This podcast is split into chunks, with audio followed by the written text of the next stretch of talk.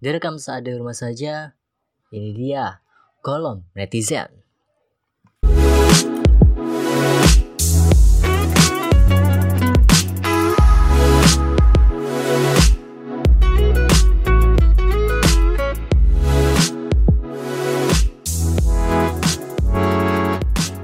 Halo, gimana kabar kalian saat di rumah saja hari ini? Direkam pada tanggal 27 Maret, berarti ini sekitar hari ke-8, ah, bukan, hari ke berapa ya? 7, 14, mungkin hari ke-13, hari ke-13 kegiatan di rumah saja, dan bahkan sekolah pun ditambah libur satu minggu lagi, dan ada kemungkinan juga akan nambah lagi dan di rumah saja membuat gue berasa gabut gue nggak tahu harus ngapain selain mengerjakan tugas yang sudah semestinya dikerjakan. Dan beberapa kali gue ngerekam podcast ngerekam bahan buat podcast tapi ngerasa setelah didengar lagi kok agak kurang enak ya buat didengerin. Apa yang kurang gitu? Ada yang ada yang ada banyak hal yang menurut gue perlu dibenerin ada beberapa hal yang gue pikir ah nggak penting juga untuk dijadikan podcast. Ada beberapa hal yang malah gue pikir kok gue ngomong cepet banget? Gue berasa kayak nge-rap. Padahal tujuan gue itu adalah untuk bikin podcast dengan waktu yang lebih singkat tapi malah kayak tapi kayak malah ini. Ngomong cepet banget. Dan podcast kali ini gue pikir gua gua bikin adalah untuk gua pikir apa ya yang kira-kira bermanfaat untuk orang saat ini saat dia sedang berada di rumah? Gua sebelumnya pernah mikir buat oh gimana kalau gua baca sebuah cerita gua berpuisi atau membuat kata-kata bercerita dengan gaya puitis untuk menemani orang tidur. Tapi setelah gua coba pikir gua coba untuk membacakannya sebelum direkam kok nggak bisa ya suara gue nemenin kalian tidur? Jadi inilah apa hal yang kira-kira bisa kita lakukan saat kita di rumah? Ya sesuai dengan hobi. Menulis. Nggak semua orang hobi menulis tapi gue pikir ini akan ada manfaatnya juga buat orang-orang yang hobi menulis buat orang-orang yang uh, yang nggak tahu harus ngapain. Gini deh menulis itu bukan cuma buat orang-orang yang yang nyas yang suka senja, yang suka kopi, yang suka kopi di pinggiran pantai sambil melihat senja tenggelam, enggak. Enggak, enggak, enggak, enggak. Menulis itu kalau kata Sapardi, Sapardi Djoko Damono yang yang membuat puisi Aku Ingin Mencintaimu dengan Sederhana, dia menulis untuk membuat dirinya tidak jadi pikun. Jadi menulis adalah cara untuk mengingat. Dan bahkan menulis secara sadar atau tidak dilakukan untuk mengabadikan seseorang. Ya, saat kalian sudah masuk ke dalam tulisan orang lain, maka kalian akan abadi, gitu. Kita bahkan, gue akan ceritakan ini uh, apa yang gue rasa saat dulu pertama kali gue nulis, lalu tulisan itu gue baca lagi, gue merasa, oh gue pernah mengalami hal ini ya. Dan dan kenangan-kenangan yang berasa nostalgia itu kembali muncul hal-hal yang dilupakan kembali muncul bahkan hal yang menurut saya sangat waktu itu uh, membuat diri ini merasa tidak enak muncul kembali dengan perasaannya berbeda. Kita bisa mengambil pelajaran dari kejadian itu. Dan seiring berjalannya waktu kejadian-kejadian yang tragis tersebut bisa melahirkan sebuah komedi sebuah sebuah hal yang dapat ditertawakan sebagai hal yang lucu. Dan itu fungsi menulis kita bisa nostalgia. Ibaratnya kayak foto lah. Saat kita melihat foto ada banyak sekali kenangan yang muncul dari dalam foto tersebut.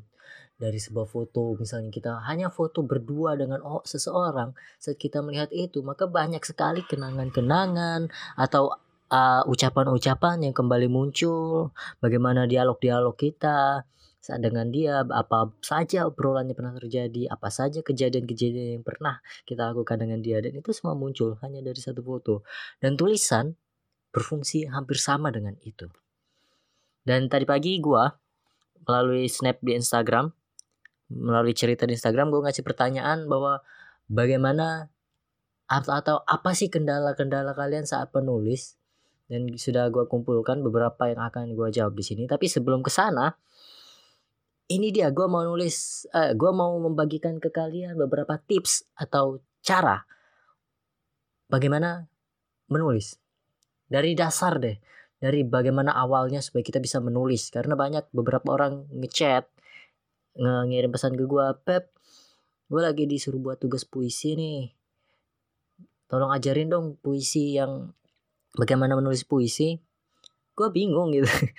Puisi itu gue nggak bisa ngajarin orang nulis puisi.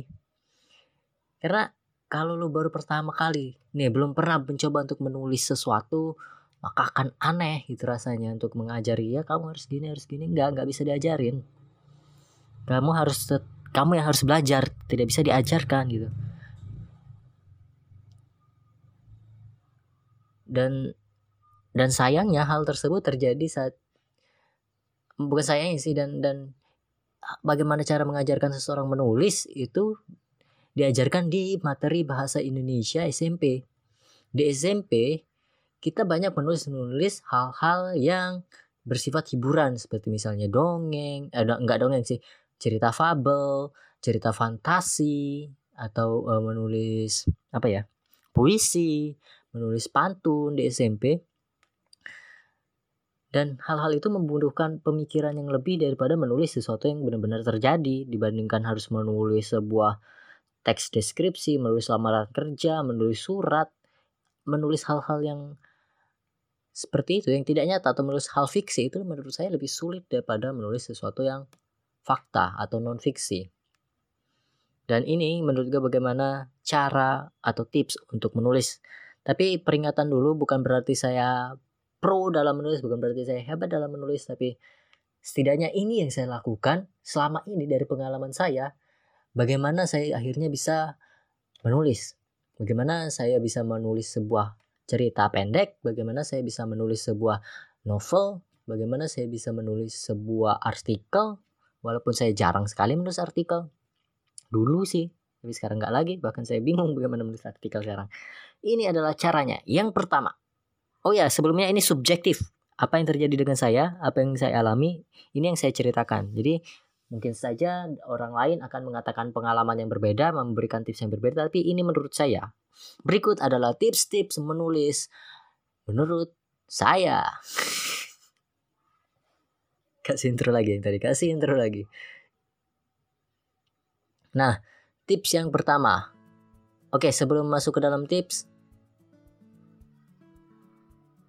sebelum masuk ke dalam tips, gua gua mau kasih kasih tahu dulu sebuah kata-kata dari dosen saya, dari dosen saya saat kuliah, Pak Rizky, di mana dia adalah seorang penulis novel.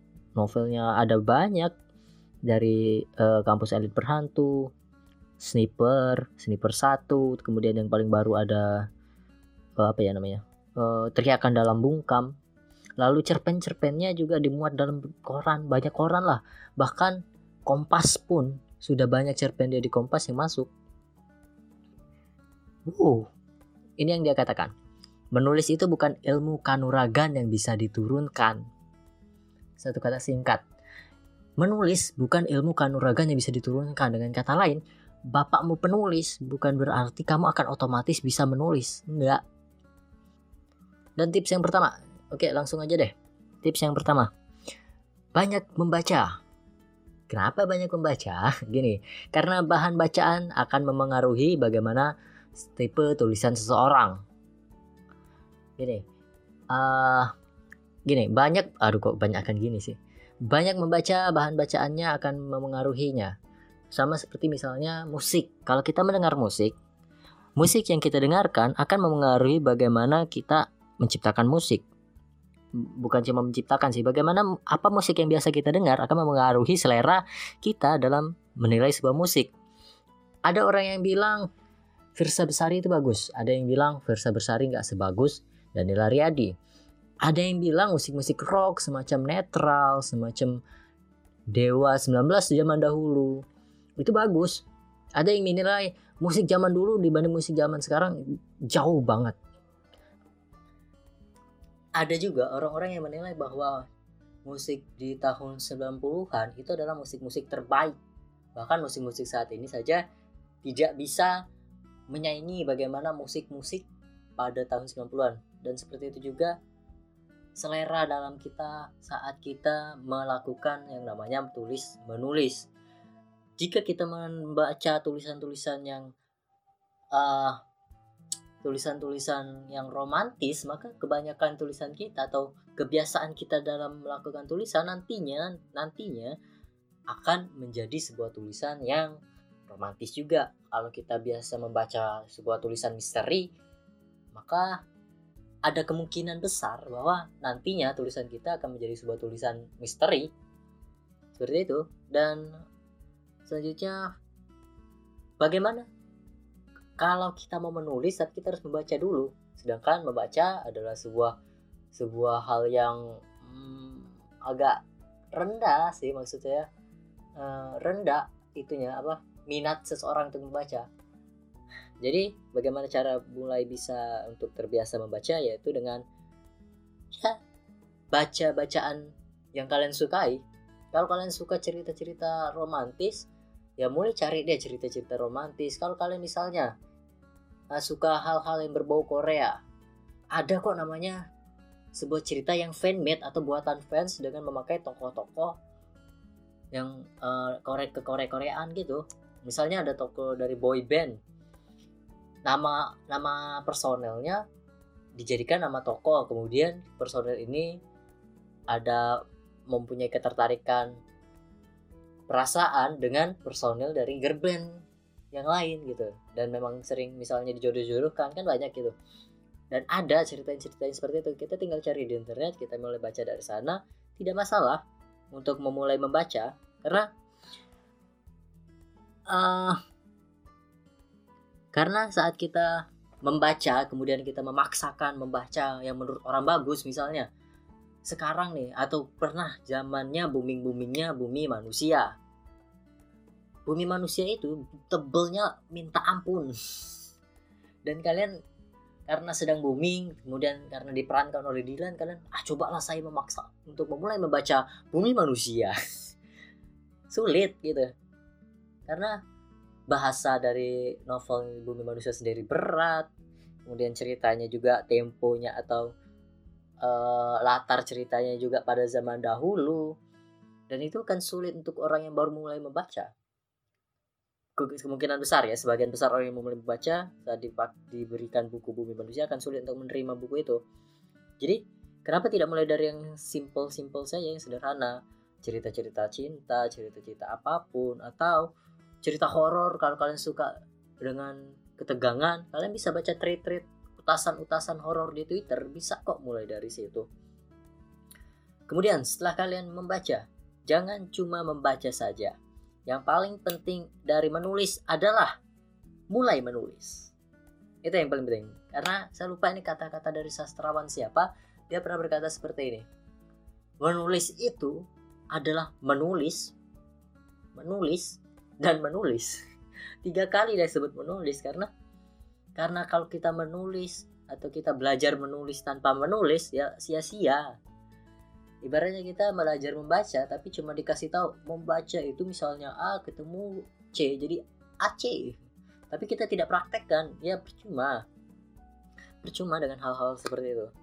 Jadi oleh karena itu saat kita sudah mulai ketemu bahan bacaan yang menarik kita coba menulis tulis apa pun apa pun.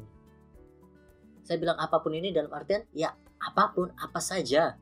Kalian ingin menulis kisah cinta kalian yang sebenar-benarnya itu ya nggak masalah. Mau bahasanya aneh juga ke, ke, ke kelihatannya aneh bahasa yang kalian gunakan juga tidak masalah. Karena gini gue dulu waktu memulai menulis adalah lewat Facebook. Facebook dahulu itu ada catatan. Jadi bukan status ya. Ada status yang bisa dilihat orang ada catatan. Catatan ini bisa di bisa diatur publikasinya mau semua orang bisa lihat atau hanya dia sendiri atau beberapa orang saja yang bisa melihat. Nah, gue tulis di catatan Facebook pada zaman dahulu, pada zaman dahulu kayak gue denger, pada saat gue SMP, SMP berarti sekitar tahun uh, 2010-an mungkin 2011 gue lupa. Dan dari situ gue coba apa yang gue tulis adalah kisah cinta gue sendiri kisah cinta gue sendiri tapi namanya gue samarkan. Maksudnya bukan nama gue yang gue pakai nama orang lain atau mungkin nama plesetan gue misalnya nama gue Febri jadi Ferry. Ya seperti itulah nama orang Mawar jadi Anjani atau jadi Melati. Ya seperti itulah. Dan bahasanya kalau kalian tahu bahasa saat gue menulis dahulu itu adalah bahasa aduh malu malu beneran malu kalau gue baca baca itu gitu. Malu bener. Karena saat gue menulis itu adalah bahasa bahasa sehari-hari. Bahasa Indonesia tetap pakai bahasa Indonesia. Cuma bahasa gue adalah bahasa yang singkat-singkatan bahasa SMS zaman dahulu lah. Bahasa SMS saat baca es baca bacaan itu lagi saat ini gue ini apaan? Coba. Jelek bener sumpah. Tapi itu adalah proses gitu. Proses karena proses itu nggak mungkin ada yang bagus di awal. Thomas Alva Edison menciptakan lampu juga nggak tiba-tiba jadi lampu yang sekarang. Dia nyiptainnya beratus-ratus eh berpuluh-puluh kali akhirnya jadi lampu kuning yang kita kenal akhirnya lampu kuning ini dimodifikasi diperbarui dan akhirnya jadilah bisa ada lampu neon, lampu tumbler yang kecil-kecil itu. Itu karena kegagalan-kegagalan pada masa masa awal-awal. Jadi cobalah menulis se sekacau apa pun tulisan kalian akhirnya, tapi tetap aja tuh mulai tulis. Media penulisan pun banyak. Mau dari status Facebook, mau dari nukilan eh, nukilan lagi eh, dari takarir foto, caption, mau di kertas mau di buku kayak diary terserah. Tapi mulailah menulis. Gini bicara soal bicara soal uh, memba mulai membaca gitu. Gue gua termasuk orang yang suka membaca dari kecil tanpa gue sadari sebenarnya. Nggak suka-suka bener sih tapi kalau dikasih buku yang kelihatannya bagus gue baca. Ini yang buku yang pertama buku cerita pertama yang benar-benar gue ingat selain buku bergambar kayak tadi ya. Adalah sebuah buku yang tidak sengaja saya temukan saat lagi beres-beres kamar itu buku uh, ini nggak tahu sih dibilangnya novel atau bukan. Karena ini adalah buku yang menurut saya menceritakan pengalaman pribadi seseorang ketika dia bertemu dengan Sumanto bertemu dengan Sumanto. Ini serius jadi saat itu Sumanto masih di penjara. Jadi dia ini bertemu bagaimana pengalaman dia bertemu dengan seorang kanibal yang sangat amat tenar pada masanya. Diceritakan bagaimana ketegangan dibangun, bagaimana sosok menakutkan Sumanto itu dibangun, bagaimana ceritanya Sumanto bisa memakan orang, kenapa dia harus memakan orang, bagaimana Sumanto menceritakan rasanya memakan orang, dan semua ketegangan-ketegangan itu dibangun dalam buku itu. Dan gue membaca buku itu yang sebenarnya nggak tebal-tebal banget. Kayak buku tulis lah setebal buku tulis cuma palingan. Cuma lebih kecil ukurannya kecil cuma setebal buku tulis. Gue baca itu dan gue takut saat itu saat SMP bagaimana menegangkannya itu hingga akhirnya di akhir dikisahkan bahwa Sumanto ini sudah tidak seperti itu lagi. Happy ending ya untungnya dan dari buku itu juga gua dikasih novel pertama yang gua baca buku novel tebal pertama yang saya baca. Kalau kalian mau tahu itu adalah buku Sherlock Holmes. Yang tidak tahu Sherlock Holmes Sherlock Holmes itu adalah sebuah buku kisah pembunuhan. Yang tokoh utamanya adalah Sherlock Holmes. Sherlock Holmes ini adalah seorang detektif yang harus memecahkan pembunuhan-pembunuhan yang terjadi yang yang gue ingat Sherlock Holmes yang gue baca adalah Sherlock Holmes Kutukan Keluarga Baskerville. Selain itu juga ada memoir. Kemudian barulah saya mengenal yang namanya Raditya Dika. Saya baca buku Raditya Dika di sekitar saat usia saya SMA atau SMA awal gitu. SMA atau SMP lah kayak SMP akhir atau SMA awal gitu. Saya baca buku Raditya Dika yang sangat amat berjauhan bertolak belakang sekali dengan buku-buku Sherlock Holmes yang ditulis oleh Sir Arthur Conan Doyle. Dan di sini dari buku-buku tersebut gue gue membentuk sebuah ciri saya menulis sendiri tulisan saya sendiri. Tulisan saya bagaimana bentuknya di buku dari bahan bacaan saya itu terbentuk. Saya akhirnya menulis sebuah buku horor buku misteri yang yang saya sukai kenapa tidak menulis seperti yang Raditya Dika lakukan? Menulis kisah pribadi karena saya rasa hmm, pengalaman cinta saya kalau ditulis emang aneh sih emang emang emang bisa jadi sebuah cerita tapi enggak puas menulisnya. Karena gini ending sebuah cerita cinta itu kalau tidak bahagia ya sedih. Kalau tidak dia berhasil mendapatkan orang yang diincaranya kemudian hidup bahagia selamanya ya akhirnya ditinggal atau ada apa hanya berkait hanya berputar pada itu nggak bisa dimain-mainkan yang lain atau saya yang kurang kreatif sehingga saya tidak bisa memain-mainkan akhir cerita cinta. Tapi di sebuah cerita misteri kita bisa otak-atik ke mana-mana gitu. Karena misteri berarti apalagi kalau berhubungan dengan cerita horor, kemistisan itu kita bisa bangun sedemikian rupa akhirnya bisa bebas. Tapi itu di samping dari bagaimana menulis tips menulis yang tadi yaitu mulai menulis kemudian baca dari tulisan-tulisan kita sukai dan itu yang mempengaruhi saya tulisan-tulisan yang saya sukai nah selain itu tips yang paling penting saat kalian sudah bisa akhirnya menyukai membaca akhirnya kalian mulai menulis walaupun tulisan kalian jelek. Tulisan gue juga jelek. Eh tulisan gue juga jelek kok serius. Maksudnya gue kadang nggak puas dengan tulisan ini. Oh ini tulisan ini masih bisa kok dia giniin atau kok bahasanya berbelit-belit sih sampai sekarang Gini, yang paling penting dari saat kita menulis adalah kita harus belajar. Berkaitan dengan membaca tadi, saat kalian sudah bisa membaca, sudah mulai menulis, kemudian kembali lagi untuk membaca. Bukan membaca tulisan kalian ya, tapi menulis membaca bacaan yang kalian sukai. Misalnya misteri nih. Misalnya misteri. Saat kalian ketemu hal yang bikin kalian penasaran, kalian atau saya ini saya lakukan juga adalah mencari tahu kenapa ini bisa membuat saya penasaran? Oh ternyata ada yang tidak jelas di sini ada yang rumpang nih.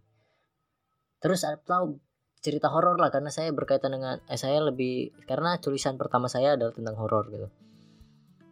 Kenapa saya bisa takut dengan hal yang seperti ini? Kenapa cerita ini bisa bikin orang-orang takut? Kita bedah nih. Oh ternyata ada pepat pada patahan di sini nih ada karena sesuatu kok belibet sih? Ini ini salah satu kenapa banyak podcast yang gua rekam akhirnya tidak jadi saya saya siarkan karena saya kalau ngomong belibet. Ini mulai keram nih lidah gua. Jadi gini balik ke masalah tadi. Saat kalian melihat tulisan yang bikin orang takut cari tahu kenapa dia bisa bikin takut nih.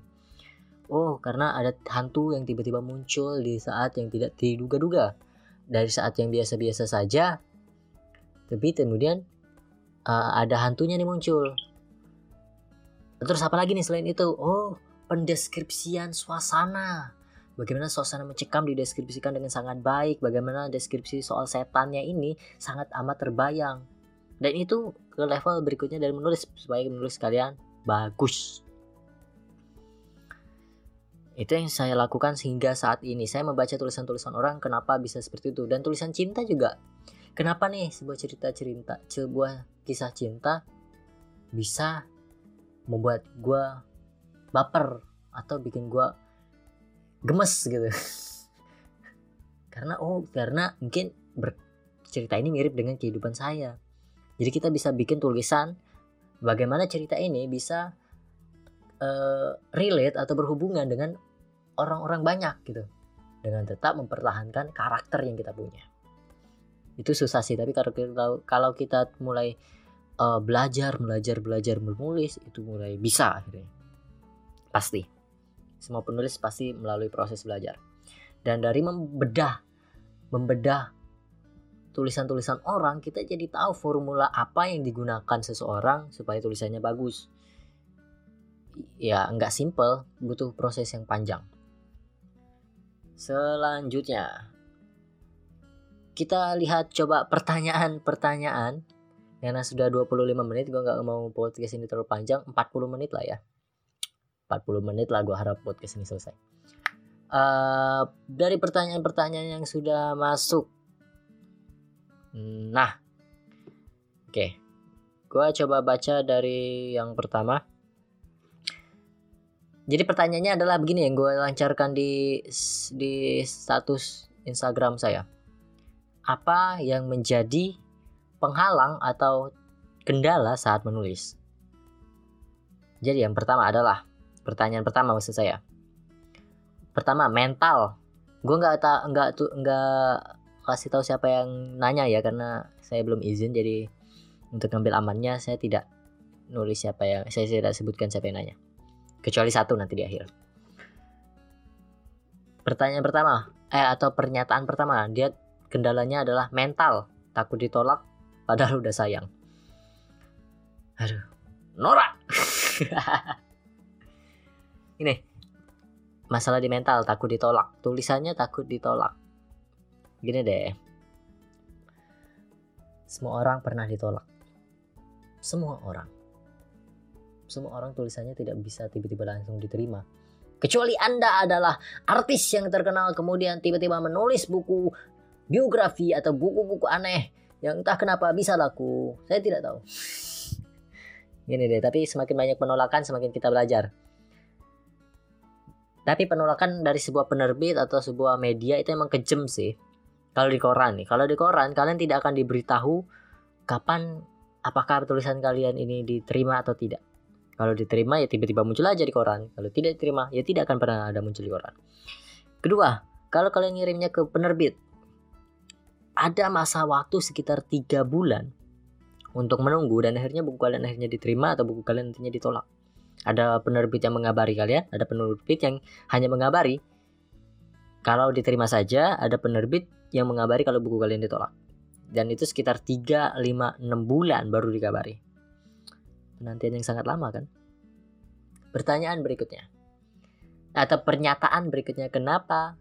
Apa kendala yang saat yang muncul saat menulis? Tidak ada pena karena hilang seketika, tidak bisa menulis saat ketiduran, dan banyak lagi. Waduh, waduh, waduh, waduh.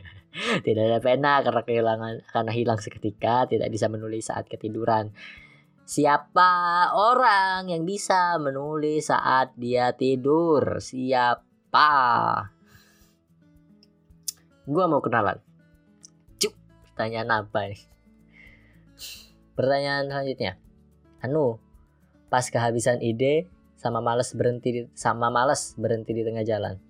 Sama males karena berhenti di tengah jalan. Oke gini. Stuck. Ini sebutannya adalah stuck, stuck gitu.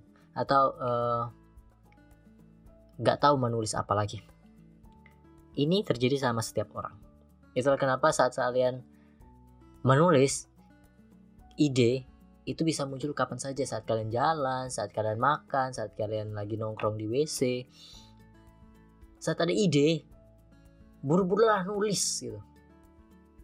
Saat kalian nongkrong di WC misalnya saat punya ide untuk nulis ingat-ingat ide terus ingat-ingat ide itu sambil ngeden hmm, oh ya dia harusnya begini begini gitu. ingatin terus ingatin itu terus. Saat sudah boker tulis di HP kan HP sekarang sudah ada notnya gitu kan kalian bisa tulis itu di note atau kalau mungkin ada buku khusus untuk nyatet-nyatet ide seperti saya punya buku-buku untuk nyatet ide saya catat itu di langsung di buku kalau ada yang ada yang ide-ide menarik atau saya catat di HP ya kalau ide gitu.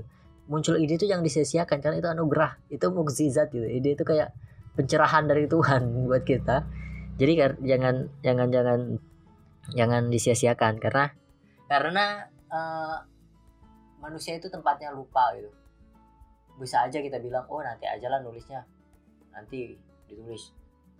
Karena pasti ingat lah. Tapi tiba-tiba waktu menulis kita nggak tahu menulis apa. Itulah pentingnya mencatat ide. Kemudian males berhenti di tengah jalan.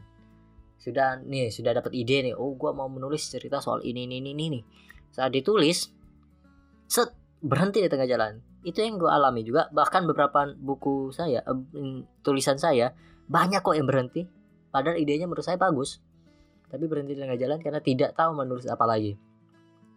Itu gue tahu alasannya kenapa saya bisa seperti itu. Karena saya tidak mencatat saya tidak mencatat apa yang akan terjadi selanjutnya dalam cerita saya. Gini deh sisakan atau berikan dari 24 jam hidup kalian 30 menit jadi satu hari untuk di depan buku, di depan laptop atau di depan jangan depan ponsel lah karena ponsel banyak gangguan. Di depan laptop dia atau di depan buku, kalian tulis draft cerita kalian. Draft itu adalah eh, pan, rangkaian bagaimana cerita itu bisa terjadi. Awalnya bagaimana cerita itu. Awalnya. Tapi kalau saya biasanya nulis ada masalah langsung penyelesaiannya baru akhirnya masalah ini muncul karena apa? Baru ke situ karena itu kebiasaan saya sih.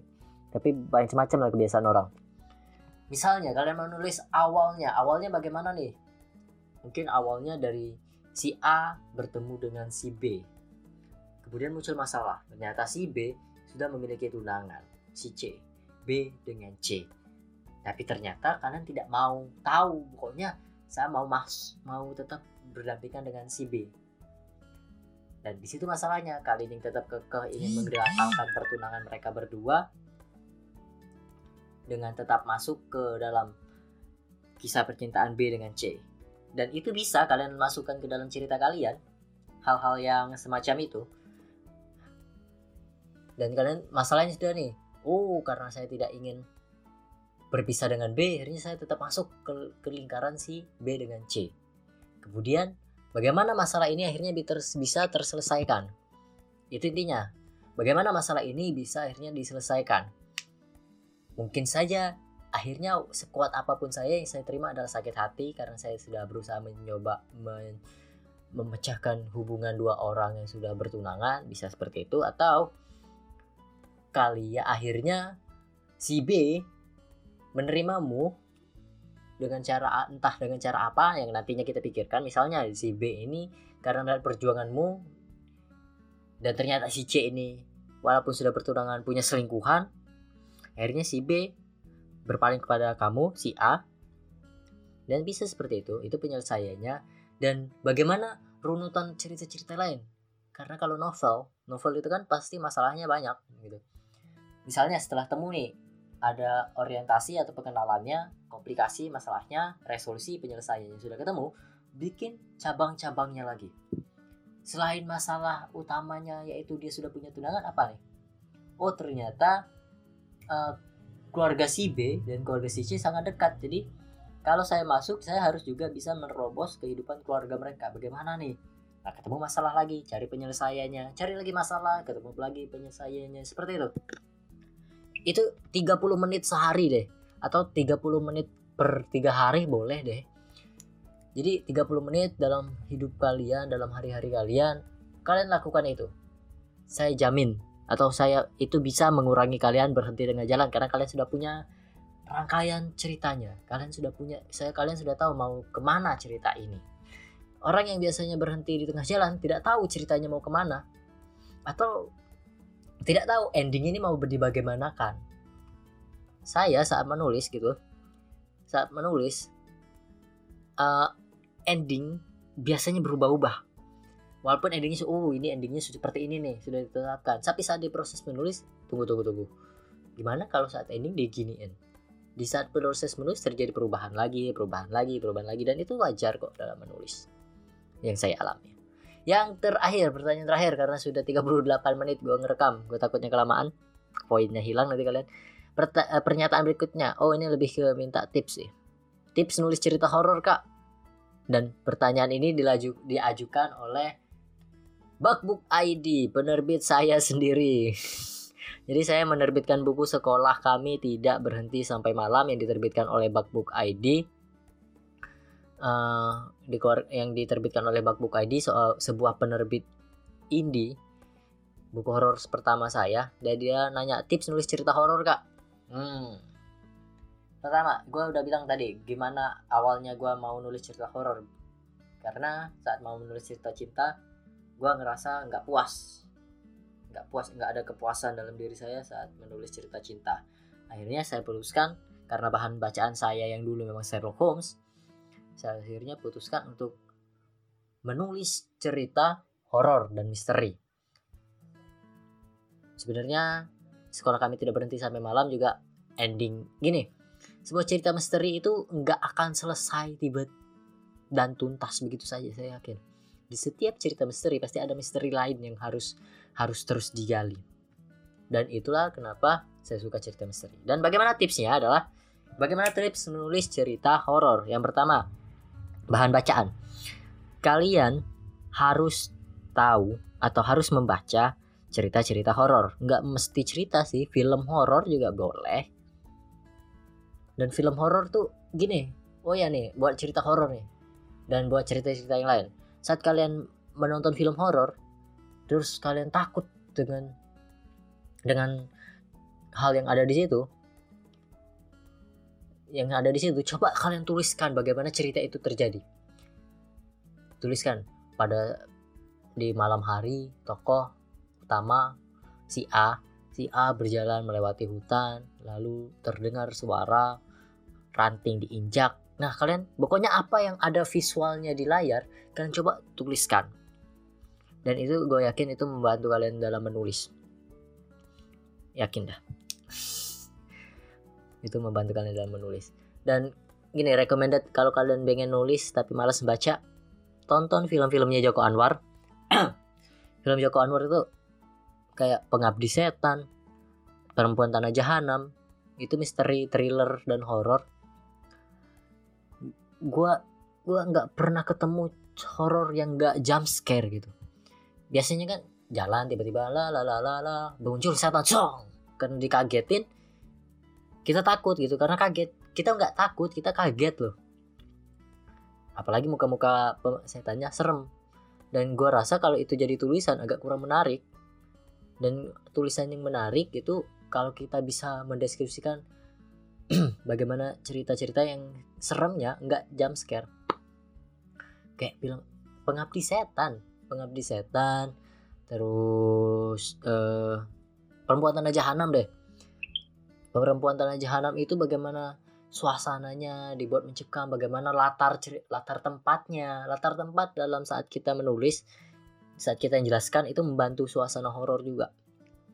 Beneran. Jadi itu tadi tips yang paling utama adalah baca cerita horor. Saat atau kalau kalian menonton film horor ubah visual film menjadi sebuah tulisan. Itu melatih kalian untuk menulis terus juga apa ya Oh ini ini agak ekstrim sih, agak ekstrim. Uh, ini yang gue lakukan saat menulis sekolah kami tidak berhenti sampai malam atau buk atau yang lainnya sih gue nggak inget. Tapi gini, gue nggak tahu gimana perasaan orang takut karena ketemu setan. Serius? Atau takut karena suasana-suasana horor, suasana-suasana mistis. Gue nggak tahu. Dan lu tahu apa yang gue lakukan biar gue tahu? agak ekstrim. Gue jalan.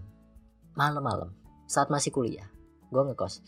Saat masih kuliah jam 10 jam 11 gue jalan ke arah kampus. Yang mana tidak ada orang di dalam situ. Ke sih nggak masuk juga. Kalau masuk takut beneran sumpah. Gue jalan ke arah situ di malam-malam nggak tengah malam juga gue ngerasain apa yang gue rasa wah ada kayak sugesti-sugesti kayak uh, uh, dingin dingin banget. Tiba-tiba bulu kuduk merinding kadang nggak ada apa-apa kayak belakang ada orang gitu. Tiba-tiba jantung berdetak-detak nah kejadian-kejadian seperti kalau gua sudah dapet gitu. Kalau sudah dapet feelnya oh kayak gini nih orang takut. Kayak gini orang takut nih. Gua balik ke kosan gua buka laptop atau kalau mau cepet gua buka buku. Gua tulis apa yang gua rasakan. Seperti ada suara di belakang kemudian ada ada angin terasa lebih dingin tapi mengganggu. Deskripsikan hal-hal yang kita rasakan itu bisa kok.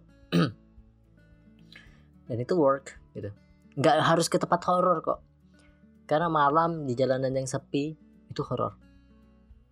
Beneran apalagi kampus setiap kampus punya cerita horornya masing-masing setiap sekolah juga setiap sekolah punya cerita horornya masing-masing jalan di sekitaran situ serem banget aduh gue kali sering ngulang kalau ada yang membayar buku saya gini anda coba tulis cerita horor dan buku Anda saya terbitkan. Saya mau ngulangin itu.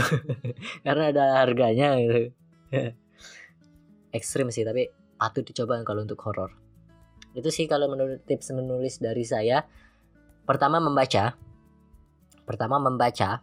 Kedua langsung mulai menulis. Yang ketiga, bedah bacaan kita. Bedah bacaan. Kalau kalian membaca terus ketemu, oh kenapa saya bisa baper?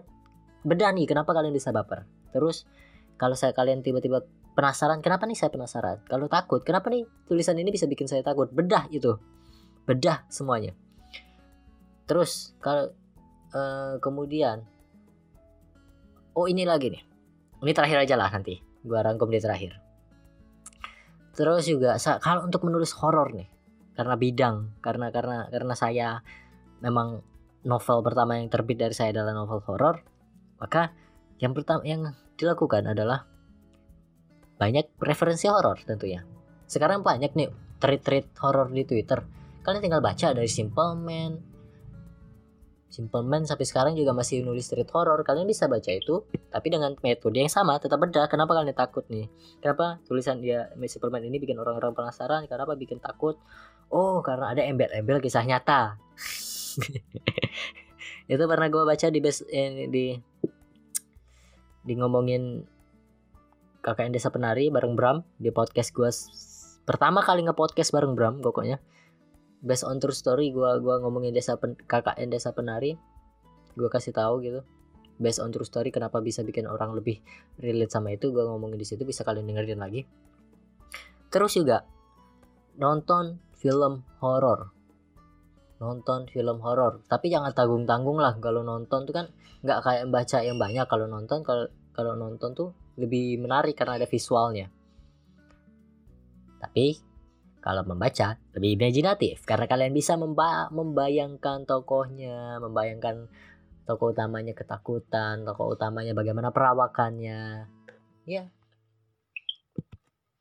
Terus juga bagaimana saat kalian menonton visual saat visualnya kalian coba visual bagaimana bagian bagian-bagian mana yang menurut kalian keren keren dalam artian menakutkan bikin kalian penasaran bikin kalian kaget ubah itu alih wahanakan menjadi sebuah tulisan.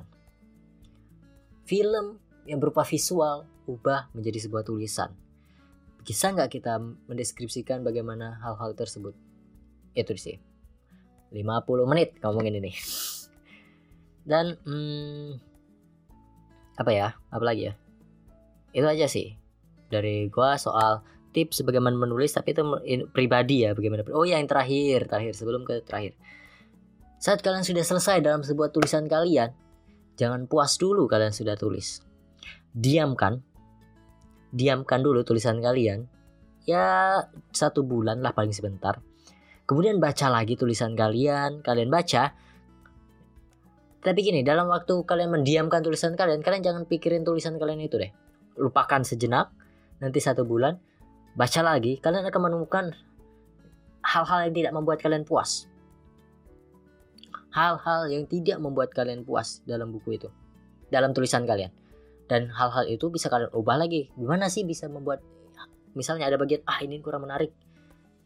Gimana ya biar ini bisa bikin menarik, kalian catat nih, bagian ini kurang menarik. Nanti kalian tinggal ubah-ubah lagi atau misal kalian tiba-tiba ketemu oh tapi kalau misal tokohnya dibeginiin ini akan lebih lebih keren lagi. Itu kalian temukan setelah buku kalian kalian simpan. Dan tulisan kalian kalian simpan kalian tidak baca. Sama satu bulan. Ibaratnya gini sebuah keju tidak akan enak kalau cuma satu hari jadi. Perlu fermentasi. Perlu proses pendiaman. Dan keju terbaik itu keju yang masa fermentasinya, masa pendiaman keju ini adalah yang lama. Jadi kalau kalian selesai menulis, kalian baca ulang tulisan kalian, kalian lihat mana yang kurang dari tulisan-tulisan itu dan voila. Jadilah tulisan kalian yang bagus. Tapi jangan puas di satu tulisan. Kalau kalian sudah merasa tulisan ini keren, di tulisan berikutnya kerenkan lagi buat lebih menarik lagi misalnya ada orang oh kalian sudah sudah sudah menerapkan semua hal yang gue ucapin tadi misalnya dari misalnya menulis uh, di, sudah diendapkan kemudian sudah endingnya sudah sedemikian rupa tapi masih ada yang bilang ah endingnya kurang nih. Di tulisan berikutnya bikin lagi bikin lagi. Dan jangan lupa juga kalau kalian sudah bikin tulisan suruh orang lain baca. Sudut pandang setiap orang itu akan berbeda-beda. Jadi mintai dia pendapat. Ini yang gue lakukan juga. Gue suruh teman gue baca kemudian kasih pendapat ini kurang ini ini kurang ini. Saat ini kok begini sih? Oh di sini ada yang kurang nih kayaknya kayak gini gini dan komentar orang akan membantu tulisan kita. Jangan takut untuk dikomentari. Gitu. Dan sekian tips dari gue gue harap kalian mendengarkan ini sampai habis dan tidak puas dengan apa yang gue ucapkan sehingga akan muncul pertanyaan-pertanyaan yang memicu kita untuk berdiskusi. Dalam diskusi kita akan menemukan hal-hal yang sebelumnya tidak kita pikirkan. Jadi tetap menulis, tetap berimajinasi, dan tetap di rumah. Terima kasih.